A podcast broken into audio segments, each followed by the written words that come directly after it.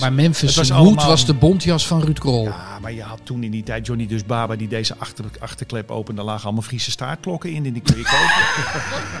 And uh, there used to be a ballpark where the field was warm and green. And uh, the people played their crazy game with a joy I'd never seen. And the air was such a wonder from the hot dogs and the beer. We bellen nu met Henk Spaan in een Frans ziekenhuis. Dat verder laten we alles nog even in het midden. Er komt nog een gedicht. Ik heb voor Matthijs nog een bericht van Angela de Jong. Meegenomen, zit in mijn telefoon. Oh. We blikken natuurlijk terug op een hartgrasverhaal uit het verleden. Ja, het verhaal van de maand natuurlijk. Ja? Dus ik blik ook vooruit. Ja, en een Memphis Depay heb ik meegenomen. Jij hebt je een beetje Althans- verdiept in Memphis, hè? Zijn Instagram. Ja. Volgt iemand hem op Instagram? Zit überhaupt iemand van jullie op Instagram? Eh, we zijn 60 plus, hè?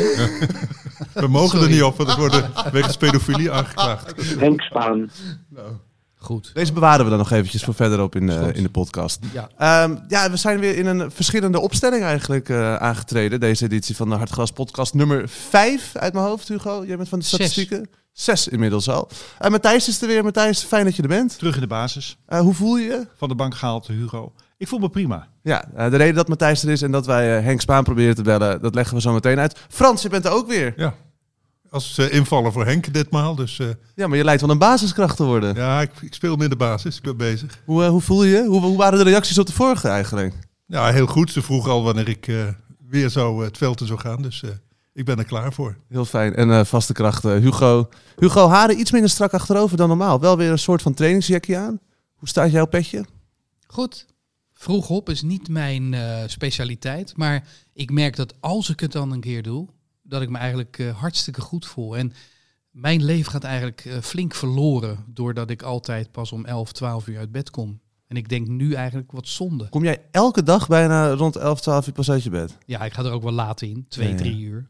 Nou, twee uur gemiddeld. Echt? Oh, Ja. wat grappig. Ja. Eh, maar fijn dat we er weer samen zijn. We gaan het hebben over van alles en nog wat. Maar te beginnen eventjes, want Matthijs, je bent er ook twee, twee keer niet geweest nu. Eh, je nieuw Nee. programma. Eén keer is hij niet Eén keer. Ik ben één oh, keer toen was niet Frans geweest. inderdaad. Toen had ik corona, denk ik. Ah, Ja. ja. Ja, ik heb twee weken corona. Is was dat, dat? erg? Is dat erg om Ja. corona te hebben? Ik had het niet zo erg, want ik had een snotneus. En toen zei eh, de mensen op de redactie en de productiemaatschappij... Zei, doe toch even een sneltest. En die vrouw kwam. Ik dacht, nou ja, dat is een formaliteit. En die stuurde mij onmiddellijk naar huis. Toen heb ik dus twee afleveringen gemist. Mhm. En dat vond ik dus wel heel erg vervelend voor iedereen die hierbij betrokken was. En we moesten nog beginnen eigenlijk. Dat waren de eerste twee. Eh, en toen heb ik me elke dag laten testen, want ik dacht, ja, ik voel me eigenlijk prima. Ik had dus milde klachten. Maar ook niet dat kort ademen. Helemaal niet. Ook niet hoesterig of wat dan ook. Alleen verkouden, snotkop, weet je wel. Maar dat had ik elk jaar wel een keer. En dan presenteerde ik de wereld draait door. Eh, drie dat ging dagen, gewoon door, Drie dagen met een snotkop. Ja. Eh, alleen, ja, dit, deze tests zijn natuurlijk meedogenloos en, en terecht. Dus ik werd eh, bijna elke dag weer terug naar de boerderij gestuurd. En pas na twee keer de uitzending te hebben gemist, tot mijn grote verdriet, eh, mocht ik weer aan het werk. En nu, eh, nu ben ik in volle vlucht. En hoe is het? Het is fantastisch. Ik heb het ontzettend naar mijn zin. Ik vind het een erg fijn programma om te maken. Ik vind het ontzettend fijn om op zaterdag te werken, dat dat een wedstrijddag is. Eh, en dus niet meer elke dag. Het is natuurlijk een volstrekt andere dynamiek. En ook een heel ander programma. Maar het gaat goed. Er- kijken veel mensen en de reacties zijn erg, erg lief en aardig. Dus we zijn op de goede weg. En train je dan ook? Want je zegt zaterdag is de wedstrijddag. Zijn er dan repetities? Eh, de- de- de- hoe ziet zo'n we, week hebben, we hebben een grote. Heb je het wel eens gezien? Zeker. Oké, we hebben Zeker. een grote big band. Die, die repeteert op vrijdag. Dus Ja. de artiesten komen op vrijdag. Want het is toch wel veel werk. Ook omdat elke uitzending is anders. Want ze staan ergens anders. Ander licht, ander plan. Ander... En dat moet elke keer weer een beetje worden uitgevonden. Dus het is bijna elke zaterdag voor een deel première. Eh, dus vrijdag is al een hele leuke dag. Want dan wordt, dan wordt er veel muziek gemaakt. En er wordt goede muziek gemaakt. En op Zeker. zaterdag is het dan eh, voor het EGI. En dan nemen we het eigenlijk als live op. Het is altijd in een uurtje gepiept. Ja, want het wordt 's middags opgenomen en s'avonds uitgezonden. Er is altijd mogelijkheid tot eh, een kleine montage. Maar dat, eh, dat, ja, die, die zal plaatsvinden, maar dat is eh, een beetje een beetje. Hey, en hoe liep jij nou op tegen eh Danny Vera en André Ja. van Duin? Hoe werkt dat? André van Duin, die zie ik regelmatig. Eh, die heb ik leren kennen door de wereld draait door. Toen zijn man overleed, eh, heb ik hem uiteraard eh, een keer gebeld. Van zullen we eens een keer koffie drinken? Of eh, vind je het leuk om een ommetje te maken? Was al in coronatijd. Was in die eerste coronacrisis in, maart. Of net daarna, weet ik veel. In ieder geval, hij was alleen. En toen hebben we, en dat doen we af en toe. En dan haal ik een pannenkoekje voor hem om de hoek. Op de, hij woont op de Keizersgracht in Amsterdam. En op de Prinsengracht heb je een prachtig koffiehuis met pannenkoek. En dan praten we wat. En zo eh doende eh, eh, ja, leer je elkaar wat beter kennen en weet je dat dit soort dingen eraan zitten te komen. Want Danny Vera heeft het geschreven, toch? Van Ja, Danny Vera heeft het geschreven. Nou, Ja. Hij vertelde het afgelopen zaterdag. Dat is een wonderlijk verhaal. Hij schrijft, hij, hij wil zijn hond uitlaten, pakt zijn jas. En op het moment dat hij die jas met één arm in is, fladdert, vlindert er een, een regeltje door zijn hoofd van een liedje. En hij denkt, nou ja, dat, dat is toch wel sterk dit. Maar noten of een zin? Nee, ik geloof een zin, maar ook met een melodietje erbij. En toen denk ik, nou, ik trek die jas toch even uit. En dan laat, laat ik die hond later wel uit. En toen heeft hij in een kwartier dit lied geschreven. Alleen in het Nederlands, waar hij nooit in zingt. Wat ook merkwaardig is. Dus hij denkt, ja, voor mij kan het niet zijn. Alsof het door de, door, door de goden gezongen Door een is. hè? engel gebracht. Ja, Ja, precies. prachtig. En toen dacht hij, dit is eigenlijk een lied. Ik hoor de stem van André van Duin. En André van Duin is een geweldige zanger. Dat zou je Ja. bijna vergeten, naast al het andere wat hij kan. Maar het is echt een formidabele zanger. En toen hebben ze elkaar, want hij kende André van Duin. Hij, ja, hij kende hem wel, maar hij wist niet hoe hij hem moest bereiken. Toen heeft hij Cornel Maas gebeld. Heeft hij gezegd, jij kent André van Duin. Toen ja, zegt Cornel, nou zou jij mij in contact kunnen brengen met... En nou ja, de rest is eh, geschiedenis in die zin dat we het zaterdag hebben kunnen horen. Heb jij het gehoord, Frans? Want anders kunnen we misschien een klein stukje even erin Ja, gooien. ja, zeker. Ja, Oké, nee, maar dus, voor de mensen die het niet hebben gehoord, ja. voor altijd. Voor gezongen Altijd. door André van Duin Ja. met een mooie laag. Beetje Charles Aznavour. Ja, het is een chanson. Qua timing. Het is qua- echt een chanson. Ja. En Danny Vera zegt, dat zou kunnen, maar ik doe maar wat. Dus eh, het is allemaal zo grappig. Heel klein stukje luisteren even. Ja, ja. Er is maar één ding dat me spijt. Dat ik jou moet missen, voor altijd. Eén ding dat me spijt. Dat ik je kwijt ben, voor altijd.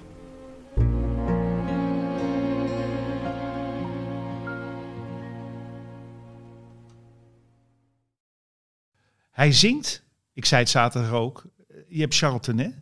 Dat is een ongelofelijke makkelijke zanger. Dan heb je Wim Sonneveld. Had eigenlijk hetzelfde. Heel makkelijk. Ik ga me niet om het repertoire, hè, maar de, de, de techniek, het, het gemak.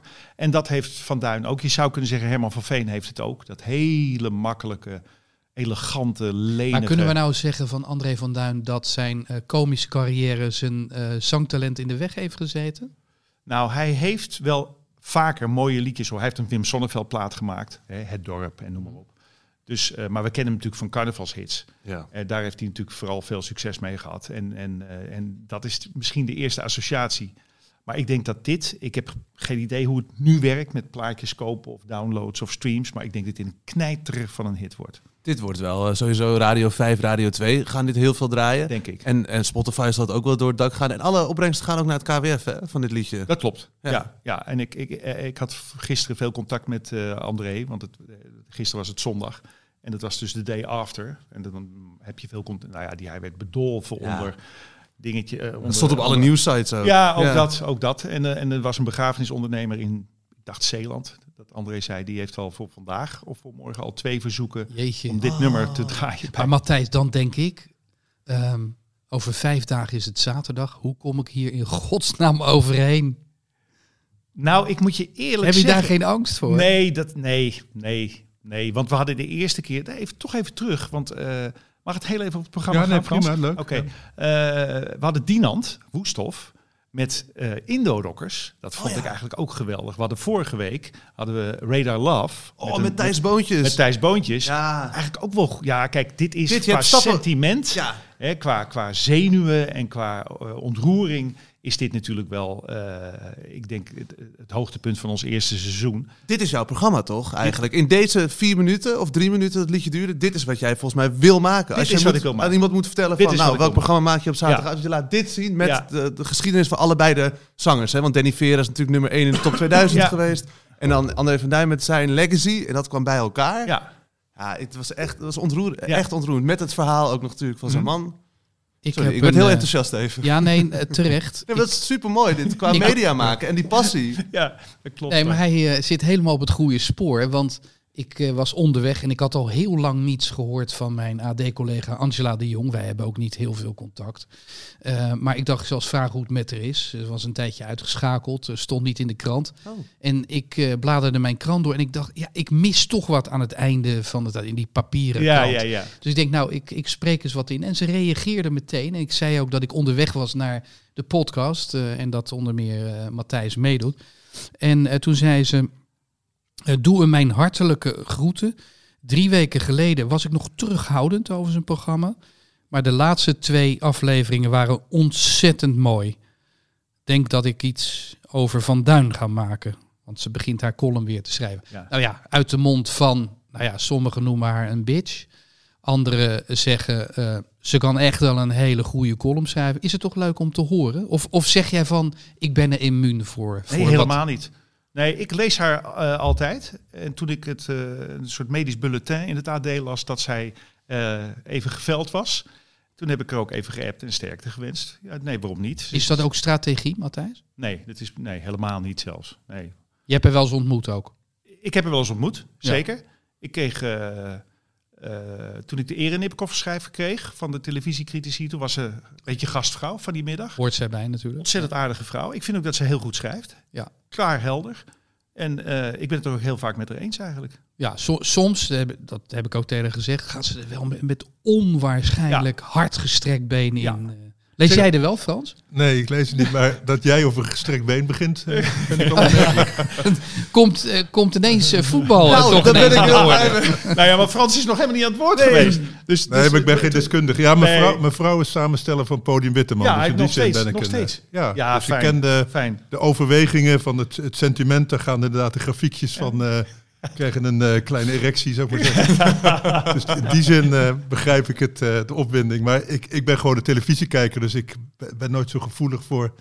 Ja, kijken honderdduizend mensen naar of drie miljoen of weet ik wat. Nee, maar dat is volgens mij ook niet hetgeen waar we het per se nu over hebben. Hoeveel mensen naar kijken. Dat is lekker, dat is mooi meegenomen. En natuurlijk ook wel belangrijk. Maar vooral als je als mediamaker dan ziet hoe dingen bij elkaar komen. En dan soms lukt iets. Dat heb ik ook op de radio. Dat je dan iets bedenkt van tevoren en dan loopt het net wat anders. Moet je improviseren. Maar juist door die improvisatie komt het tot een soort van summum. En dat, nou ja, ik heb ook naar jou geluisterd van de week op Radio 1. En ik Jij moet er- altijd lachen om mij. Dat is geen goed Nee, teken, ik zit Frank. zo, want jij roept ook altijd maar gewoon dingen. Ik vind het zo heerlijk. Er zijn soms bepaalde regels. Wel langs de lijn. Ja, wel je? langs de Ja, lijn. ja, ja. En Ja. het, het leukste was, en daar moeten we ook eens even over nadenken, nu we toch een beetje de trends doornemen in de actualiteit. Jij zat je druk te maken over Clubhouse. Dat is, dat is een nieuwe app. Nee, niet druk te maken. Nou ja, je zei van er is iets ik nieuws. wist dat ik was. Henry Schut zei ongelooflijk dat jij dat al weet. Exact. Maar weten jullie wat Clubhouse is? Ik weet sinds dit weekend wat Clubhouse is, omdat mijn redactie mij eh, scherp houdt. Oh ja. Het is een. eh, Frans, je- je, je kan intunen in een, in een gesprek Ja. tussen twee mensen en dan kan je eventueel ook nog even aan meedoen als je wil. Ja, nee, het kan een gesprek zijn. Iemand, kijk, wij kunnen hem ook opzetten met z'n vieren. Dus dan noemen we het de hard gras Clubhouse. En dan zijn wij met z'n vieren de hosts. En dan kunnen we mensen toelaten en die kunnen meepraten. Maar Je mensen. kunt ze ook wegdraaien als... eh, Ja, ja, je bent moderator ook. Maar het heeft wel echt zijn, zijn eh, voordelen. Want zoals afgelopen eh, donderdag speelde Ajax tegen Lille.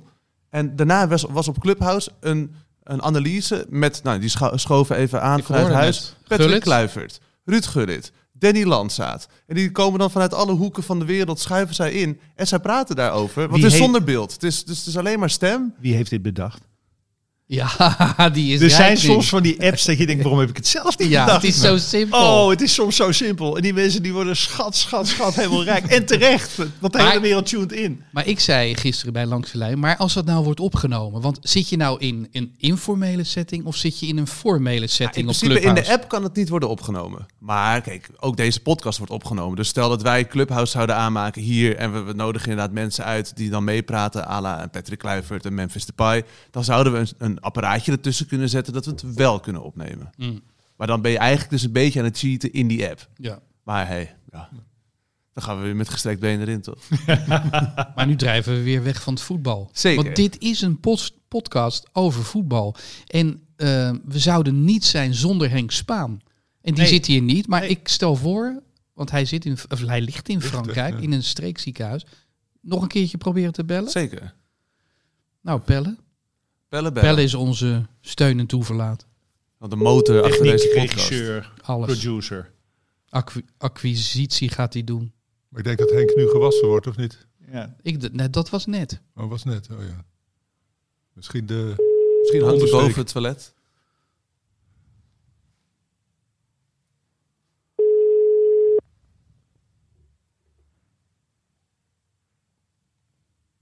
Ja. Nee. ja. Ik denk dat we zo weer gaan horen het antwoordapparaat van.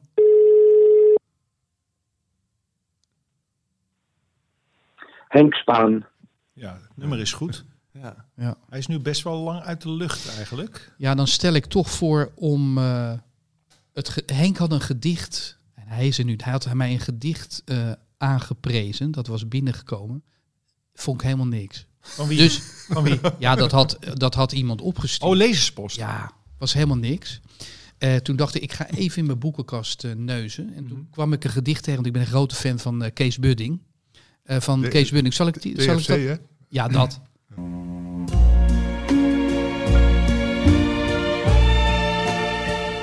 Ik heb een gedicht.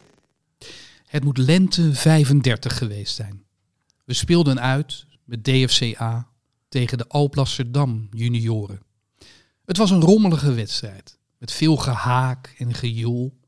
Op een zeker moment raakte de vader van onze linksbuiten, als toeschouwer meegekomen, haast slaags met twee forse boeren, nadat de rechtsbek zijn lieve zoontje de grond inboorde. Maar juist toen een algemeen klopfestijn dreigde, kwam eensklaps de Hindenburg aangezweefd. En daar stonden wij, de Alblasserdammers, in oranje shirts met de witte baan en witte broeken. Wij in het rood, ook met witte broeken. De scheidsrechter keurig in zwart op het sappige groene veld. En boven ons hoofd, door de koelblauwe lucht, gleed de Zeppelin. Precies zoals hij steeds zo mooi in de kranten beschreven werd. Een lange, slanke, zilveren sigaar. Zij het dan zonder bandje. We keken allemaal even omhoog.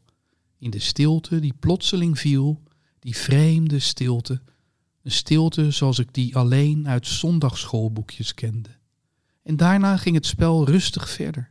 We wonnen met 4-2 uiteindelijk. Ik maakte twee goals. Ja, vind ik erg mooi. Ja, Kees Ja, hè? Mijn, Ja. mijn journalistieke carrière begon met Cees Budding. Oh, jij zegt C's. Ja, is Kees of Cees?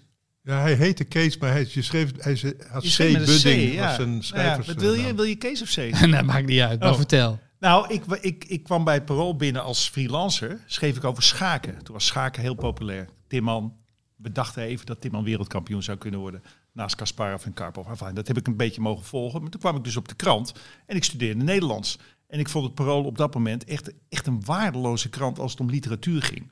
Dat sloeg werkelijk nergens op. Dat had niets te maken met... Wie waar- waren toen de recensenten? Toch niet Henk Spaan? Nee, Henk Spaan schreef wel, wel in het Parool, zeker. Nee, maar dat ging nog steeds niet over bijvoorbeeld Revisor, Kellendonk, Oek Ja, de ja. Jong, Duska Meising, Mats Sier. Dat waren toen die jongen, Caneponi eh, van de Heide kwam op. Dat zag ik allemaal Dat niet terug. ontging ze. Zag ik niet terug in de krant. Dus ik loop naar de kunstredactie. Ik zeg, ik ben Matthijs van Nieuwkerk. Ik schrijf daarover schaken. Ik ben nieuw hier, maar ik studeer Nederlands. Zou ik een keer een schrijver mogen interviewen? Want ik vind wat jullie doen... Ja, dat, ik ben student Nederland. Het, het, het, het- het jullie zijn off-center.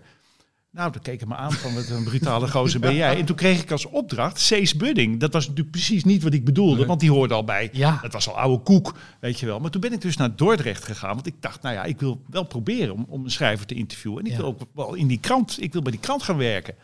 En toen kwam ik dus bij Cees Budding. Ontzettende leuke middag. Ik kom thuis, ben ik mijn sleutels vergeten bij hem. Ben ik weer helemaal teruggegaan met de trein naar Dordrecht. Ja, zat ik weer bij hem dus. Zat ik twee, drie uur later weer in Dordrecht. Met jenever. Voor het eerst jenever gedronken met hem. Heel vies vond ik, maar wel gezellig. En verdomme, een week later is hij overleden. Jezus. En dus was ik de laatste die een interview met hem gemaakt had. En, en werd ik dus gebeld. Het, alles was nieuw voor mij. Ja, u bent van het Parool. Hè? Wat is uw naam ook alweer? Nou, u heeft Cees Budding nog ontmoet. En daar kon ik toen wat over vertellen. En in zijn dagboeken, die heb ik, dat, dat laatste deel, Ja. want hij was een echt vervent dagboekenschrijver, staat ook die hele ontmoeting beschreven. Wat hij dus van mij vond. En, en wat vond u En dat ervan? ik, nou, ik was een aardige knaap of zo, weet je wel, zo, zoiets is. Maar dat ik ook weer terugkwam, dat ik zo stom was geweest om mijn sleutels te laten liggen. Afijn. Maar Cees Bunning heeft bij mij natuurlijk altijd een eh, apart plekje in mijn in mijn hart. Heerlijke stem had hij. Geweldig. Zo, Ja. ja. Ken jij een gedicht uit je hoofd, Frans, van, van, van Budding? Nee, maar wel zo'n beetje. Hè? Van dat marmietpotje, weet je wel, dat dekseltje. 57 variaties. Ja, zoiets, hè? En hé, hey, dat lijkt wel een brilletje wat daar ligt. Maar als het goed, toen ik goed keek, was het geen brilletje, maar een elastiekje.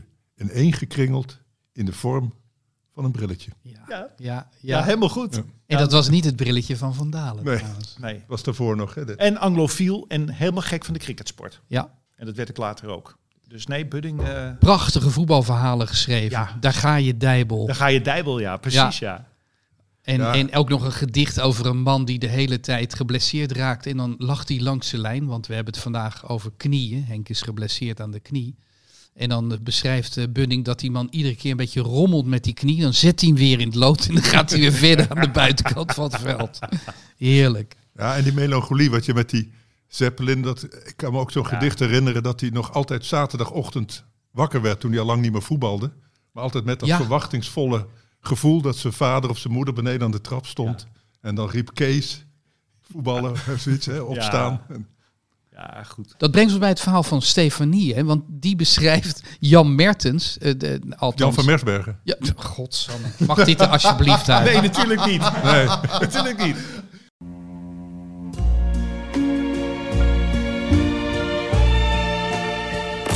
De schatkamer van hard gras. Er zijn ook veel vrouwenteams bij Bad Burgia. Een van de teams had laatst crisisoverleg. Moest de trainer eraan te pas komen voor een intermezzo. Bleek dat er nog dingen dwars zaten van een training vorige zomer. Jan lacht. Dat geloof je toch niet? Als er vanavond iets gebeurt, dan spreek je dat meteen even in de kleedkamer uit. Anders kun je zaterdag zo'n wedstrijd niet lekker spelen. Jan zegt dat er altijd een dagdroom is van een virus dat uitbreekt, waardoor het Nederlands elftal uitvalt en ze jou als invaller vragen. Ik heb vaker mannen over zo'n kinderlijke voetbalfantasie gehoord. Ik vraag of er ook mensen van het Amsterdamse studen- studentenkoor lid zijn bij zo'n voetbalclub. Nee, zegt Jan, zoiets komt niet vaak voor. Hij weet ook niet hoe dat komt. Ze hadden ooit een student die zei tegen de jongens: Ik ga die Harry en Jan er vanavond vanaf zuipen. Moesten die jongens heel hard lachen. Ze wensten hem veel succes. Jan lacht. Die gast was om twaalf uur compleet de weg kwijt.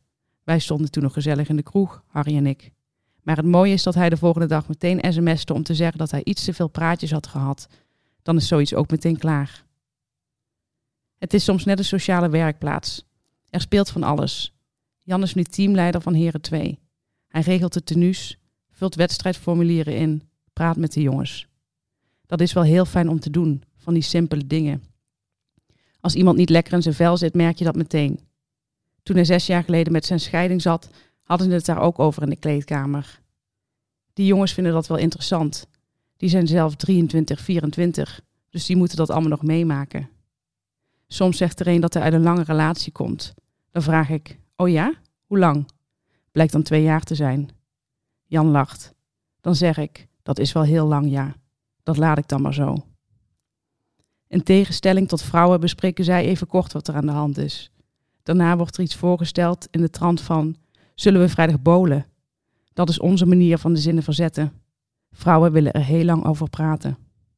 dat type wat eh, Stefanie beschrijft, Jan van Mersberg, is een speciaal type. Dat, eh, ik zie ze bij die hockeyclubs ook rondlopen. Ze zijn of pedofiel, of... Je hebt al twee keer het woord pedofiel gebruikt, hè, deze podcast. Het zit je hoog, Het er zit hem iets dwars, ja. Ja, ja, wil, wil maar je, iets- dat- wil je iets dat- anders zeggen, Dat is, ander, dat, is een, dat is een ander programma. Dat, hier, politie luistert mee, dus ik wil hier niet... eh, Zou- Zullen we trouwens Henk Spaan even Ja, bellen? lijkt me Ja. leuk om even te proberen, toch? We hebben zijn nummer. Maar Ja. dan wil ik wel straks nog even naar die twee types terug op, op Ja. de voetbal, dan wel hockeyclub. Nou, wat ik ook wil weten. eh, jouw zonen hockeyen, Frans? Het lijkt me echt Hoe veel. doen ze dat qua douchen? Want in dat verhaal van eh Stefanie Hogenberg ehm, ja, gaat het over dat, dat er ook mannen douchen met, met onderbroeken aan. bij mijn zoons, die allemaal met z'n onderbroek aan. Dat gaat geen een meer in zijn blote reet. Nee? Maar dat zit, Ja, bij mij begon dat, mijn generatie. Omdat er veel Marokkaanse jongens hadden die meespeelden. En jij ook met je Toen onderbroek heb ik een tijdje met mijn onderbroek aangedoucht. Toen ik vanuit de Legmeervogels uit de Hoorn naar de Meer Amsterdam ging. Gewoon met mannen van onder andere jullie leeftijd ook. Was gewoon iedereen weer lekker bloot. Ook de jonkies. En de... Maar op een gegeven moment kwam dat erin. Maar blijkbaar zit het, die preutsheid nog steeds. Ja. Bizar vind ik het. Hoe lekker Ja, is het ook om even... Waarom deden? Want wij douchten uiteraard in ons blootje. Ja. Er kwamen twee Marokkaanse jongens in ons elftal. Die, die douchten in de onderbroek. Dat vonden we ook verder Ja, prima. in mijn tijd Maar ook. toen wa- deed Een je Turkse het om, jongen. om hun Wij gingen om de mee. verlegenheid bij hun weg te nemen. Hè? Deed je, de- hield je ook je onderbroek aan, toch? Zoiets Dat was misschien in de jaren tachtig ook wel eh, de bedoeling, hè? om een soort gasvrij eh, zijn, om Ja, ze zich te laten thuis niks- voelen. niks- maar heb jij dan ook, Matthijs, met je onderbroek aangedoucht? Nee, ik heb, het nou, ik heb altijd in mijn blootje gedoucht. Maar er werd wel becommentarieerd, zou ik maar zeggen, wat je had eh, hangen, zou ik maar zeggen. Nou, dat zegt Jan van Meersberg Ja. ook, dat de jongens die nu een onderbroek aan houden, dat die gewoon een klein pikkie hebben. ja. Becommentarieerd. Nou ja, ik heb later... mij heb niet ik- gezegd, hey Frankie, wat heb jij een kleine lul? Of wat heb je Ja, met voetballen viel het inderdaad wel mee. Maar later heb ik nog gebokst, gebokst en dan werd dat wel gedaan. En eh, het was wel grappig wat die, sommigen deden aan, eh, hoe noem je dat, Eh, bodybuilding. Ja. En dat toen nog met heel veel pillen enzovoort. dat was, Ja, dan krijg je een heel klein het waren pikkie allemaal van. apothekers. Ja, die hadden eh, zulke lichamen en, en een pikkie. eh, moest je echt een eh Ja, bij maar van de steroïden, ja. Wat wel helpt natuurlijk, als je hebt gesport en je gaat ernaar douchen, dat je even twee tikjes er tegenaan geeft, toch? Maar de, ik zin, merk wel... maar, de, maar de zin die wij laten lopen is, ik heb gebokst. ja, ja. Heb jij gebokst, Frans? Ja, geen wedstrijd, dus ik wil het nooit te veel over opscheppen. Hoe maar- oud was je? Nou, het was ik al toen ik niet meer, niet meer voetbalde enzovoort. Dat ik wel eens inval viel met voetballen. Maar gewoon voor de conditie. En het is de, eigenlijk de beste sport als je wil, Touwtjes Ja, in shape wil klopt. blijven. Ja, dat klopt. Dat klopt. Hebben we het telefoonnummer van Henk al? Maar eh? wacht even, Frank. Jij zegt, jij gaf er altijd een paar tikkies tegen. Ja. ja, want na het sporten, ik loop ook nog steeds hard. ehm, en ik, soms zit ik ook in de, in de sportschool. Dan merk ik gewoon, als ik heb gesport, dat het een beetje inkrimpt daar. Dat je bloed naar andere plekken in je lichaam moet gaan. Matthijs, kijk naar mij. Ik zal het niet doen. Misschien moet je het uitleggen. Ga door. Nou ja, en dan sta je onder de douche en denk je van, hé, hey, even wakker worden. En dan... eh, Maar dat bedoel ik met twee tikkies. Maar kan het Maar jullie zijn... toch allemaal maar, gevoetbald, maar, maar wacht even, kan het zijn dat jij een bloedlul hebt? Oh, daar hebben wij het een keer over gehad. Ja, precies. Ja, ja, ja. Nou, daar moest Matthijs ook om beginnen. Ehm, goed, maar jij geeft er twee tikkies tegen. Ja. Hoe zou dat met Henk zijn? Henk ligt nu in een Frans streekziekenhuis. We weten allemaal, Henk krijgt snel een rood hoofd. Schaamt zich snel. Ja. Die moet nu dus plassen en poepen. En die wordt geholpen door van die eh, struise Franse boerenmeiden. Op een steek. Daar kunnen we ons toch niks bij voorstellen dat Henk dat lot moet ondergaan. Oh. Bellen we? hem? Ja, Hugo, je moet heel even je telefoon pakken. Want? Bellen zegt dat. Wat is er met mijn telefoon? Ah. Oh. Heeft hij misschien een voice memo? Ik wacht op een telefoontje van de verzekering. dat gaat voor. Ja, Ja. Ja, nou, dat is ook zo. Nee, het, het bleek dat, dat Henk maar een heel bescheiden bedrag eh, vergoed kreeg van de verzekering voor fysiotherapie. En dat was echt heel, heel laag. En daar zat hij wel over in de rats. Want als je zo'n flinke operatie hebt ondergaan als Henk, dan moet je natuurlijk... moet misschien aan de luisteraar nu eventjes een medisch... Ja, want we hebben het Het steeds een medisch bulletin. Nou. Henk is van de trap gevallen, heeft eh, twee knieën bezeerd. De pees is kapot. De pees die over de knieschijf gaat, die boven- en onderbeen verbinden, die is kapot gegaan van zowel de linker als de rechterknie. Dat is eh, eh, onlangs weer gemaakt. Henk ligt al een dag of tien in het ziekenhuis, hoopt vandaag of morgen te worden ontslagen. En dan gaat hij terug naar zijn geliefde in Frankrijk, Henriette. En eh, ja, Henk heeft gewoon de afgelopen tien dagen hulpeloos eh, in bed gelegen. En dat is voor iemand die, ja, het is toch een autonome man. Dat mag ik toch wel zo samenvatten. Ja. Een hard gelach geweest. Nou ja, dat is de status eh, van Henk. We hadden hem graag eh, aan de telefoon gekregen, maar hij wacht dus op een telefoontje van de verzekering. Maar hoe lang geleden heeft hij dat gestuurd? Ja, Dat appje. kennelijk recent. Oh, echt dat heeft Pelle weer net aan mij Ah. gestuurd. Pelle had het ook gewoon kunnen zeggen hoor. Ja, goed, we gaan Henk niet bellen. Ehm, Nog even naar de twee types op de voetbalhockeyclub. Ja, dus de ene is dit, eh, nou ja, die, De eh, de, de, kleed, de zou ik maar zeggen. En de andere is de, de, dus degene die het zelf nooit heeft waargemaakt in zijn eigen leven en dan als coach een, een herkansing, een, een Louis van Gaal type zou ik maar zeggen, een herkansing zoekt en eh, daar veel fanatieker in is dan die speler zelf en ook vaak potsierlijk overkomt. En Jan van Mersberg is typisch zo'n eh, zo'n figuur. Ik denk dat hij zeggen, het als voetballer niet helemaal heeft waargemaakt en nu eh, ja, er geen genoeg van kan krijgen. Hè, we kennen het allemaal, je moet toch op tijd weten te stoppen. Ik denk dat het Henk is, jongens. Ik denk dat hij onszelf belt. Niet geproduceerd, hè? Allemaal spontaan. We zetten hem even Hallo? door. Interrumpeer ik? Nee. Hey hebben- Henk! We hebben net uitgelegd eh, dat je eh, tamelijk hulpeloos bent. Beschrijf eens Ja. wat je is overkomen en eh, wat de status is. Eh, ik ga niet in alle details dit vertellen, maar eh, Dat is jammer. komt neer op een val Een val, ja. eh, van een laag trapje, eh, waarvan ik de bovenste treden miste. En het gevolg is eh, twee gescheurde kniepezen. ja. En toen ben je in het Niet in- ziekenhuis. Niet in één knie, hè, maar in twee knieën. Ja, ziekenhuis, operatie afgelopen vrijdag, Ja. narcose. eh, en nu zijn ze een beetje aan het hannissen met te kijken wat ik wel en niet kan. Wanneer en wat ik wel en niet mag. en wanneer word je ontslagen? Nou ja, er komt straks een, eh, een soort visio, een kine.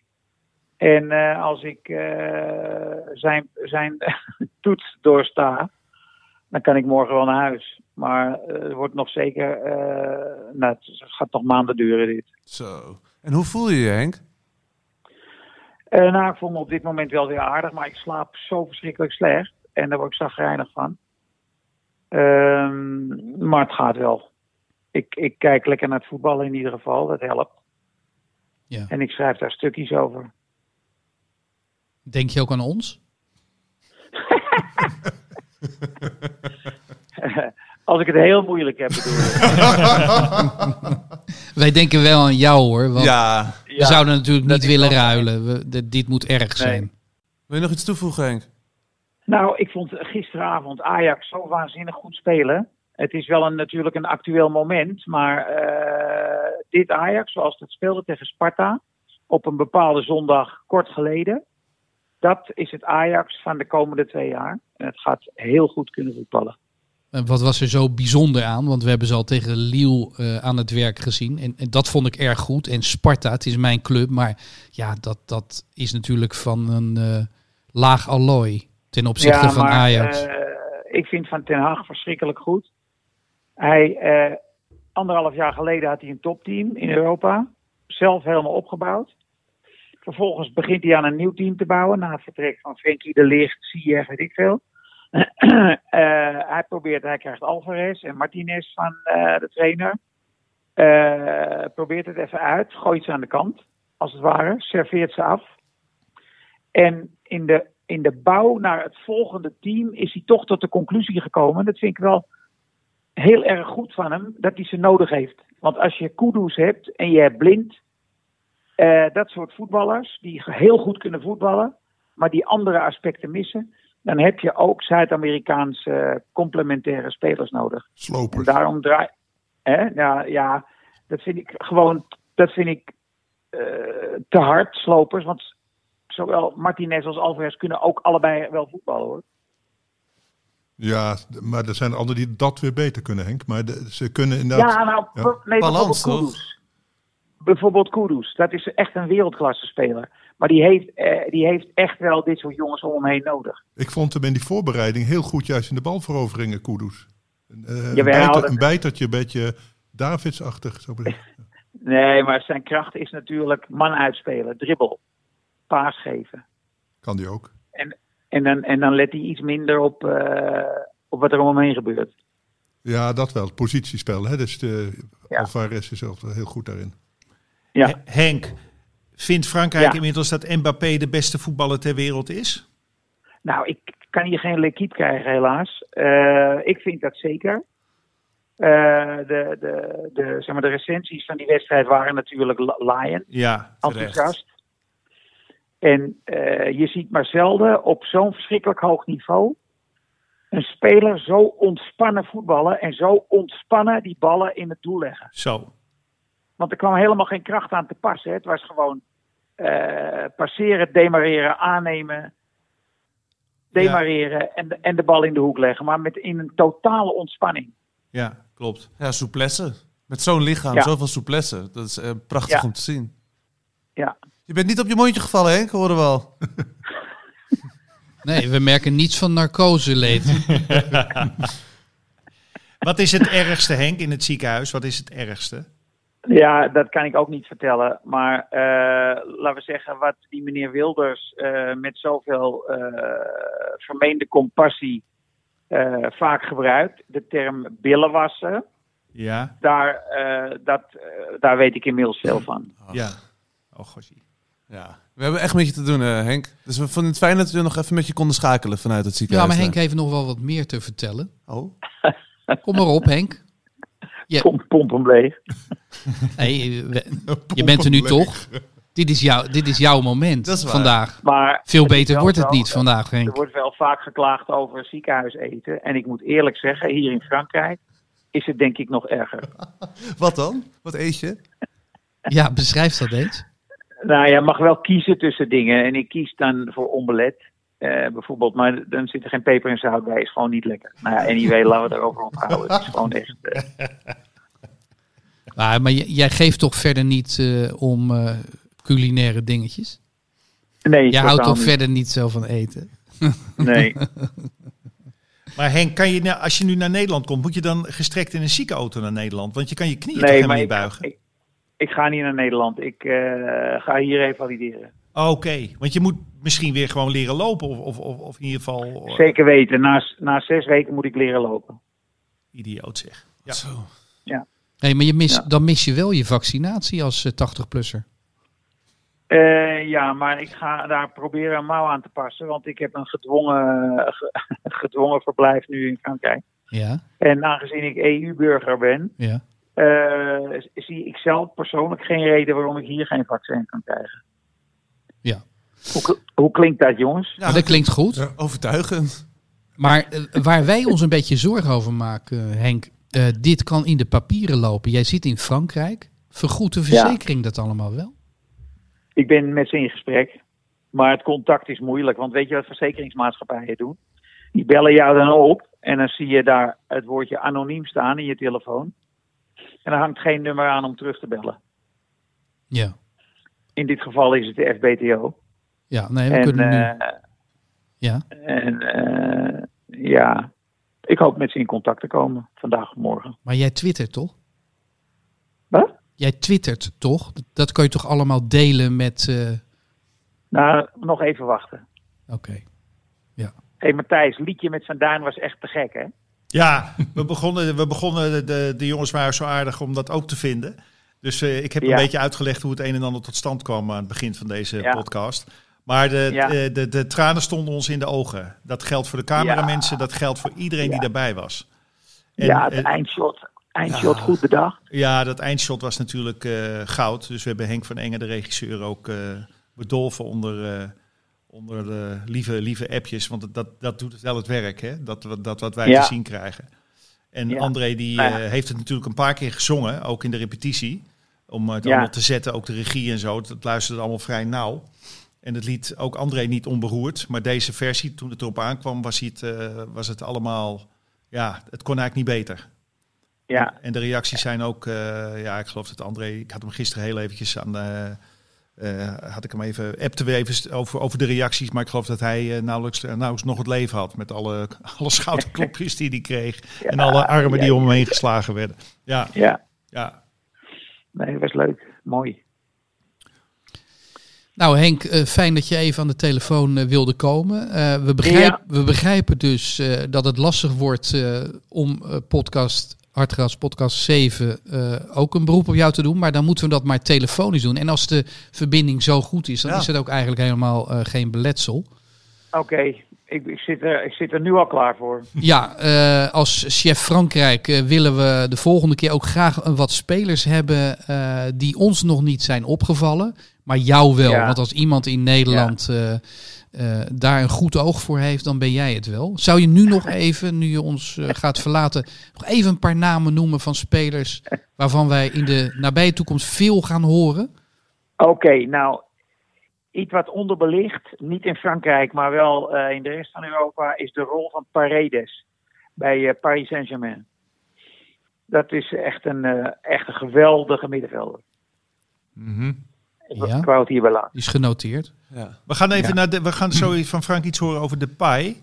Ik geloof over de Instagram-account Oh, van ja. Depay. Hoe gaat Oh hoe- nee, maar de paai, de, paai, de paai was zaterdag heel erg goed. hè, Oké, dat, wa- dat was nieuwsgierig. Oh, dat is een mooie inleiding naar Frank. Ja, Ja, vertel eens. Ze kwamen, eh, ze kwamen met eh 3-0 voor bij de rust. Eh, de paai veroorza- krijgt een penalty mee, die hij ook goed inschiet. Eh geeft een echt een prachtige assist eh, na een hele mooie aanval. Dus eh valt niks op aan te merken. Overigens was het een hele goede wedstrijd, omdat ehm, Brest kwam terug in de tweede helft tot 3-2. Toen eh, zagen ze het even niet meer zitten, Lyon. Maar uiteindelijk hebben ze toch eh, voor, het, ehm, voor de poorten van de hel hebben ze de overwinning uit het vuur gesleept. Henk, we gaan verder met de paai. Dankjewel. Henk, sterkte. Oké, doei. Hoi. Hoi Ajax. Doei.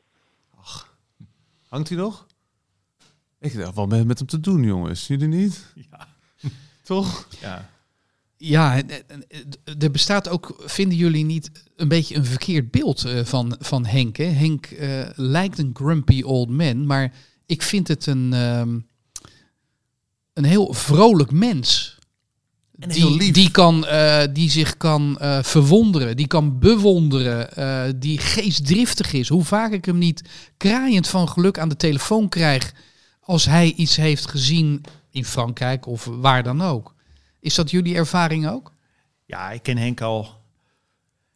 Nou, ik denk wel langer dan jij hem kent eigenlijk, Hugo. Zeker. Eh, dus vanaf mijn studententijd kwamen wij in Café de Pels, waar Henk natuurlijk een generatie ouder was. En dat was hij niet alleen, maar dat was Rogier Proper, Adriaan van Dis, Kees weer. Daar stond daar een, een groep mensen waar wij natuurlijk met jaloezie naar keken, omdat wij ook wel in de, in de schrijverij terecht wilden komen. en Henk was wereldberoemd van televisie Hij was heel beroemd van televisie. En Henk en ik zijn toen eigenlijk plotsklaps zeer bevriend geraakt. Eh, en ook echt zeer bevriend geraakt. Dus heel veel reizen gemaakt, veel, veel bij elkaar geweest op Bij vakantie. parool was dat al. Ja, was bij het parool. Ja, ja. Maar dan strookt zijn imago toch niet, hè? Wat, wat het grote publiek Nee, van hem dat wou ik zeggen. Dus ik ken hem al zo lang. En ik weet dat ik zei ook wel eens tegen hem: Jeetje, wat ben je weer, hè, wat ben je weer gereserveerd of, of, of zuinig over iemand of zelfs negatief. Hij zei: Ja, ik ben columnist. Hè, die columns moeten natuurlijk, dat zijn geen eh, zoete, zoete broodjes. Dat moet, eh, en dat is misschien ook een beetje zo. Een column is er ook om eh, een beetje onrust te zaaien of af en toe zijn schou- schouderduw uit te delen. Maar het is natuurlijk een ontzettende lieve man. hè. Ja. Het is gewoon een lieverd. Ontzettende Ja. lieverd. Ja, Frans? Ja, eh, daar ben ik helemaal mee eens. Maar ik denk dat die, eh, dat, dat imago van eh, grumpy of eh kwaaier te maken heeft. Henk eh, neemt geen, genoeg met een compromis. Als hij iets vindt, dan vindt hij dat. Hij is heel oprecht, dus hij kan zich ook kwaad maken over dingen. En dat doet hij dan. En ik denk dat veel mensen dat niet gewend zijn. Die zijn veel diplomatieker. Henk is bepaald geen eh, groot diplomaat, zou ik willen zeggen. Nee. Dus hij komt op een iemand die hem niet zo goed kent, vaak over als een. Ook omdat hij zo groot is en hij kan eh, heel mooi kwaad worden, vind ik. Dan wordt hij een beetje rood. Hij En kan Rood, zich echt ja. opwinden, ja. Hij loopt er rood aan. En natuurlijk met die haren ook die dan een Ja. beetje zo naar de zijkant staan. die en lijken zo. dan elektriciteit. ook. Ja, En- exact. En, dan denk ik een, een, een stagiaire of een- iemand die op de afdeling boekhouding werkt of zo, schrikt zich dan kapot natuurlijk van. eh, Maar hij van heeft het- temperament Ja. eigenlijk, toch? Hij kan nou, hij is ook best wel uitgelachen over Alvarez. Ja.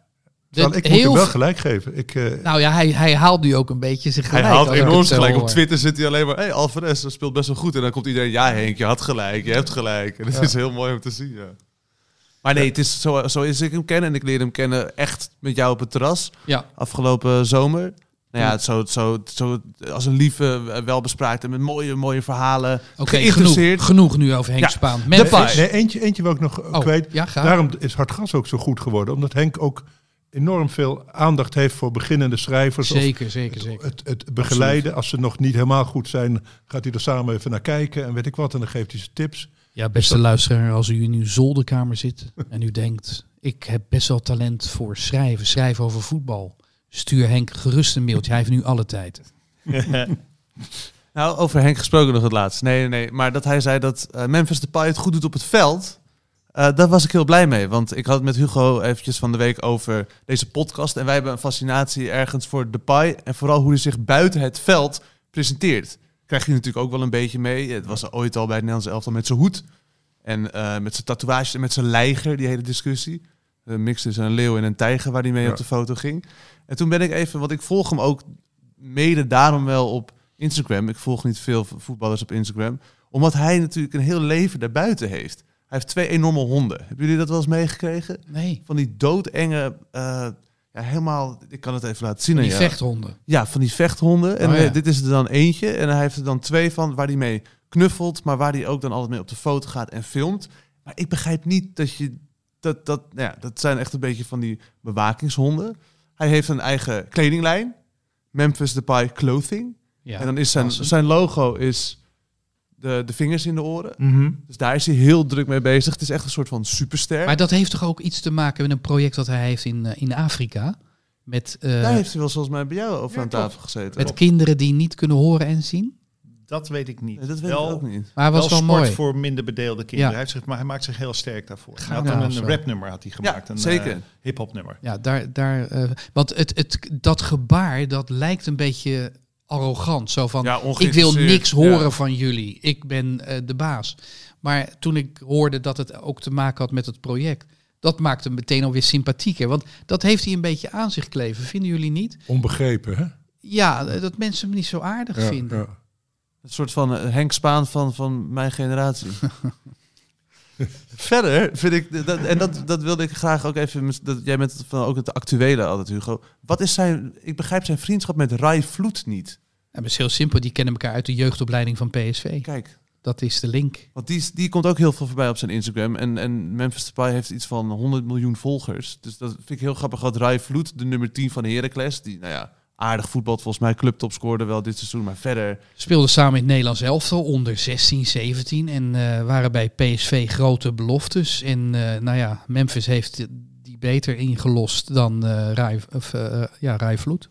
Maar had je, wat ik me afvroeg terwijl ik dit aan het uitzoeken was, van had je in, in, in jullie tijd zonder social media, waren dit soort flamboyante figuren toch ook? Maar hoe kwam je er dan achter wat zij deden? Dat hij van die gekke honden heeft, dat hij een eigen kledinglijn heeft, dat hij... eh, Ruud Krol, Matthijs, dat was toch zo'n dandy vroeger? Ruud Krol was een dandy. Hij had een snackbar in de Regulies Dwarsstraat in Amsterdam. dat is toch wel de wereld van Krol snacks. Maar hoe, hoe werd hij zo groot dan, zonder social media? Ja. Hoe, hoe moet ik me dat Hij voorstellen? krant. werd, hij werd gewoon groot omdat het een hele goede voetballer was met een mooie kop. En die sprak tot de verbeelding, want hij alle vrouwen vonden hem leuk. En hij had een snackbar en dat kwam hij dan in een groot... Ik zat een keer, ik, het is echt, dat is niet gelogen dit. Dat was in de Regulies Dwars, dus vlak bij het Rembrandtsplein in Amsterdam had hij zijn snackbar. Die heette Krol Snacks. En daar tegenover had je een Wimpy. Dat bestaat nu ook niet meer, een hamburgertent. En ik was toen al met mijn huidige vrouw. En toen gingen we naar eh, Amsterdam. En toen ging ik bij de Wimpy een burgertje eten. Dat deed je dan. Dat was je, ik weet niet, was je 15, 16 jaar denk ik. En ik, met uitzicht op Krolsnacks. En wie komt daar aanlopen in een bontjas? Ruud Krol. In een bondje. Ja, ja, die had toen een bontjas aan, ja. In zo'n heel klein... Het was gewoon een snackbar. Het was niet meer dan dat. Het was gewoon een snack... Een groot frituur. En dat, dat droeg zijn naam. Dus dat heeft niets te maken met, met, met, met waar Memphis Depay mee bezig is. Maar Memphis Het was zijn hoed allemaal- was de bontjas van Ruud Krol. Ja, maar je had toen in die tijd Johnny Dus Baba die deze achter, achterklep opende. Daar lagen allemaal Friese staartklokken in en die kun je kopen. Wat? Ja, er werd gewoon vanuit de achterbak verkocht. Dat was toen de business. En je wist alleen van Barry Hulshoff dat hij een hond had, omdat hij in de reclame zat Chappie. met zijn hond Chappie. Nee, zijn Ja. hond Boeddha overigens. Boeddha, Ja. die at Chappie. Ja, Boeddha Atjappie, ja. Maar dat, dat vroeg ik me dus af, want dat, dat, je had niet dat je zo'n inkijkje kreeg in iemands leven eh, van de voetballers, van die grootheden. En nu Ah, alleen, op... alleen George Best had je wel natuurlijk. George Best, maar dat was meer de, de, de roddelbladen. Of tenminste Henk van der Meijden, de privérubrieken. Maar George Best Maar was ben je naar Ruud Krol toegegaan toen je bij Wimpy zat? Nee, dat durf ik allemaal Ah, niet. Nee, dat durf ik allemaal niet. Maar dat was natuurlijk, mijn dag was, eh, was een feestdag. Dat je krol zag. maar die, dat bestond nog helemaal niet. Ze hadden wel een... s- eh, eh, Benny Muller had nog een sigarenzaak. Ja. Saki had een sigarenzaak allemaal, ja. volgens mij. Ja. En overigens, En de overeenkomst, nou, Ja, precies ja. de overeenkomst, mannen, eh, tussen Memphis en Ruud Krol is dat het praten ze niet makkelijk afgaat. Nee, dat klopt. Met horten en stoten. Ja. Zonder dat dat eh Memphis is een verwijt slechte is. spreker, ja, vind ik. Ja, dat is bij Memphis een beetje, denk je, een soort van attitude. Heb je wel eens het gevoel? Hè? Cool. Bij Ruud was het gewoon een beetje, want dat is verder een hele, hele vrolijke gozer eigenlijk. Ik heb hem best wel vaak, ook wel in de wereld draait door, nog een keer mogen interviewen. Ik best wel een goede gast, vind ik. Alleen ja, die heeft niet de Flu de Bush van een aantal andere spelers. Ja, dat heeft hij niet. Nee. Nee. Maar bij, bij, bij, bij de Pai denk ik wel attitude toch. Een soort, Een Mhm. stijltje. denk Ja. ik, denk ik. Nog, nog één link die ik wilde leggen met de oude voetballers en Memphis Depay. Hij staat dus ook heel vaak op de foto met eh, drank, met een whiskyglas en met sigaren. Ja. heel veel met sigaren. En dat is natuurlijk weer wat jij ook zegt, die attitude. Het stijltje ook, want hij is dus ook rapper, Ja. stijlicoon. Het is En een beetje, toevallig het ook is nog een beetje hip-hop, hè, eigenlijk. Absoluut, maar is dat... Want ik weet dat Johan Cruijff maakte toch reclame voor sigaretten toen de tijd. zeker. Eh, Rookte iedereen ook gewoon op beeld dan? Was, dat, Ja. wat, was het een publiek geheim of was het niet eens een publiek geheim? Nee, eh, er werd natuurlijk in de jaren En 70... zuiver ook toch Ja, gewoon. nee, Eh, zeker dat- Wim Suurbier, die, die kon je, als je geluk had, vrijdag op het Rembrandtplein eh, tegenkomen. Als hij dat Nee, maar voetballers, voetballers rookten. Cruijff rookte nog bij, bij Feyenoord in zijn laatste jaar. Maar ook op beeld, dus je zag dat gewoon als Er fan, zijn foto's van. Cruijff in de kleedkamer dat hij gewoon een Ja, sigaretje heeft een peuk in Maar dan mag ik even Maradona, die rookte toch ook gewoon bij- tijdens de training eh, Sigaren. sigaren. Ja, Dus het, eh, Cubaanse. Hè? Tijdens de trainingen? Heb je, ken je dat beeld niet? Nee. Als Argentijnse bondscoach, dan staat hij aanwijzing te geven met een sigaar in zijn bek. Ja, Oh, wat goed. nou ja, dat doet, doet Depay dus ook. En hij gaat, dat is nog iets wat ik heel eh, bijzonder vind, naar die sheiks. Maar dan niet alleen naar, naar wat ze allemaal doen naar Dubai, net zoals Leeuw Kleine. En, en daar gewoon dan heel veel drinken en feesten. Maar hij zit ook bij die sheiks en dan gaat hij naar dierentuinen. Dan gaat hij op de foto met een beer. En er is één filmpje op zijn Instagram. Zit hij te, lunchen met zo'n sheik, helemaal in vol ornaat. En dan komt er een giraf en die geeft hij dan te eten. En ik vind het zo patserig gedrag. Zo'n soort van machtsvertoon van kijk waar ik kan zitten als topvoetballer. En ik ge- geef een giraf te lunchen terwijl ik zelf ook zit te lunchen. Ik vind dat. Ik ben heel benieuwd wat jullie daarvan vinden. Ik heb het nog niet gezien. Dit moet ik even zien. maar als je zo Dit deze klinkt- situatie. Ja, dat klinkt, dit klinkt sur- surreëel. toch? stuur Ik even dacht wat dat het niet linkjes mocht. door. Dat je niet voederen, dacht ik. Heb ik altijd geleerd. Nou ja, dat was mijn fascinatie nog wat Nou, betreft in, eh, in Rotterdam eh, hebben we binnenkort heel veel dieren over, want die staan om omvallen. Eh, de dierentuinen. ja. Leidorp Zoo. Dus eh, misschien wat voor Memphis een eh, dierenpark. Nou ja, de, de fascinatie wat betreft Memphis Depay en En zijn hij leven wordt geleid buiten. door de heer natuurlijk. Hij is natuurlijk eh, Ja. eh, uitverkoren, zou ik maar zeggen. Ja. Dus, eh, Is de verkering uit? Heeft hij verkering? Hij had verkering met de Amerikaanse. Op zijn. Instagram is daar niks van te zien. Nee, nee. nee. Wij Ja. moeten nog eh, één verhaal behandelen, mannen. En, eh, want we, we lopen flink uit al qua tijd. Vadronch. Zeker, ja, ik ben blij dat jij het uitspreekt. Zo Nou ja, ik, het weet niet of, ik weet niet of het goed is. Het is het, het verhaal van de maand.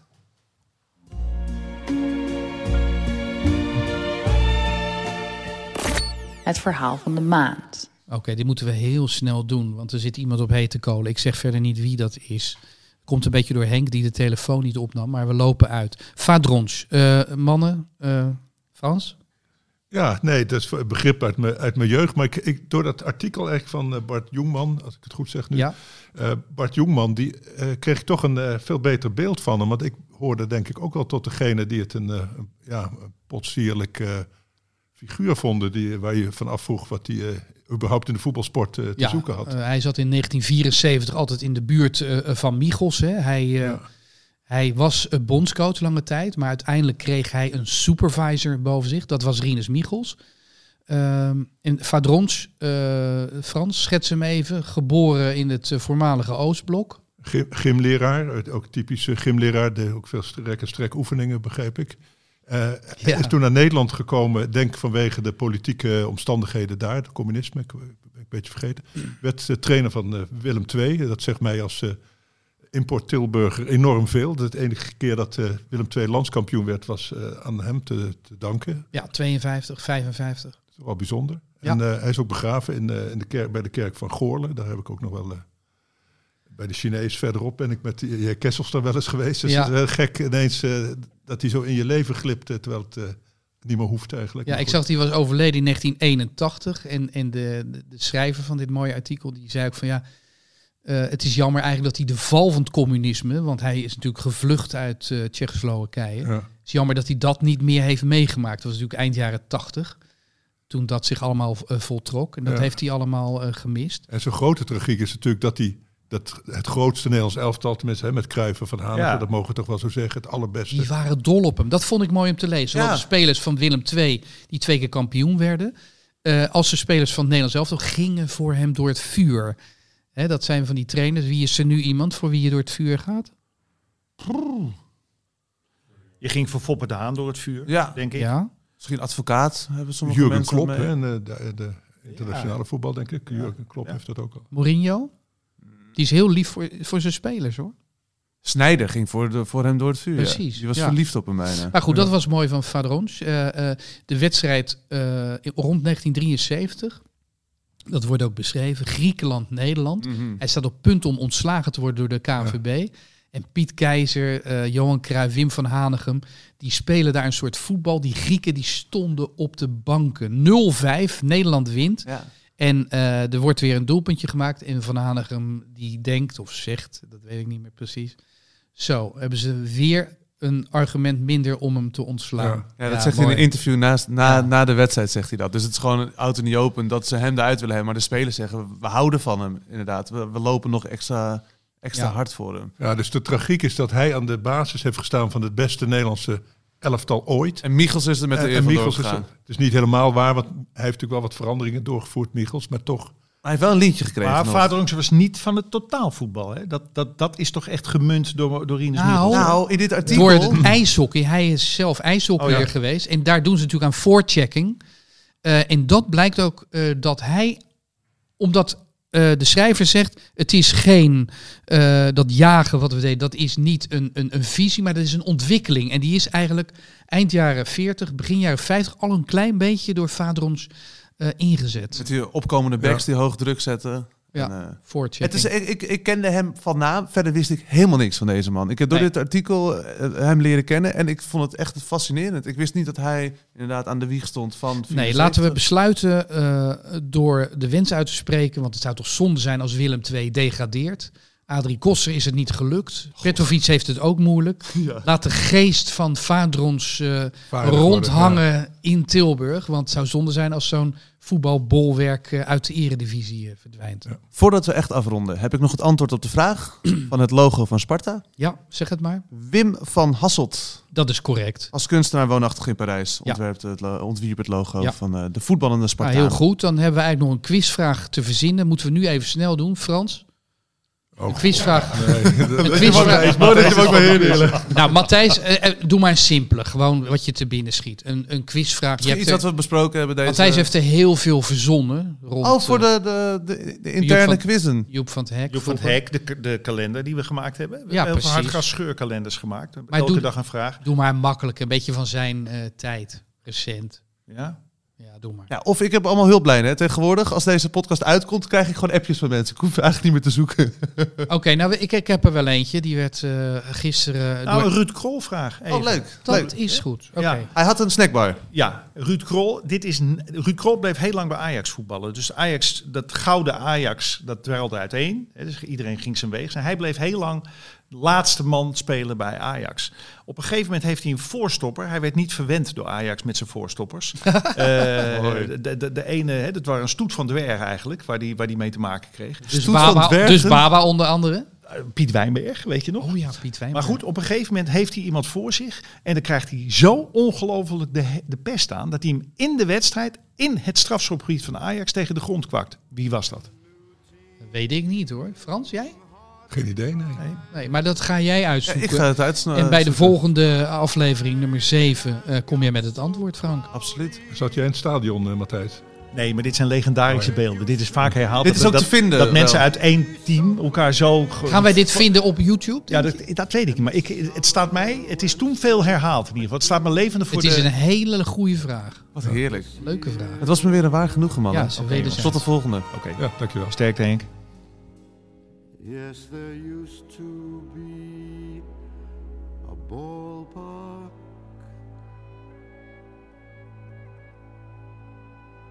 Right here.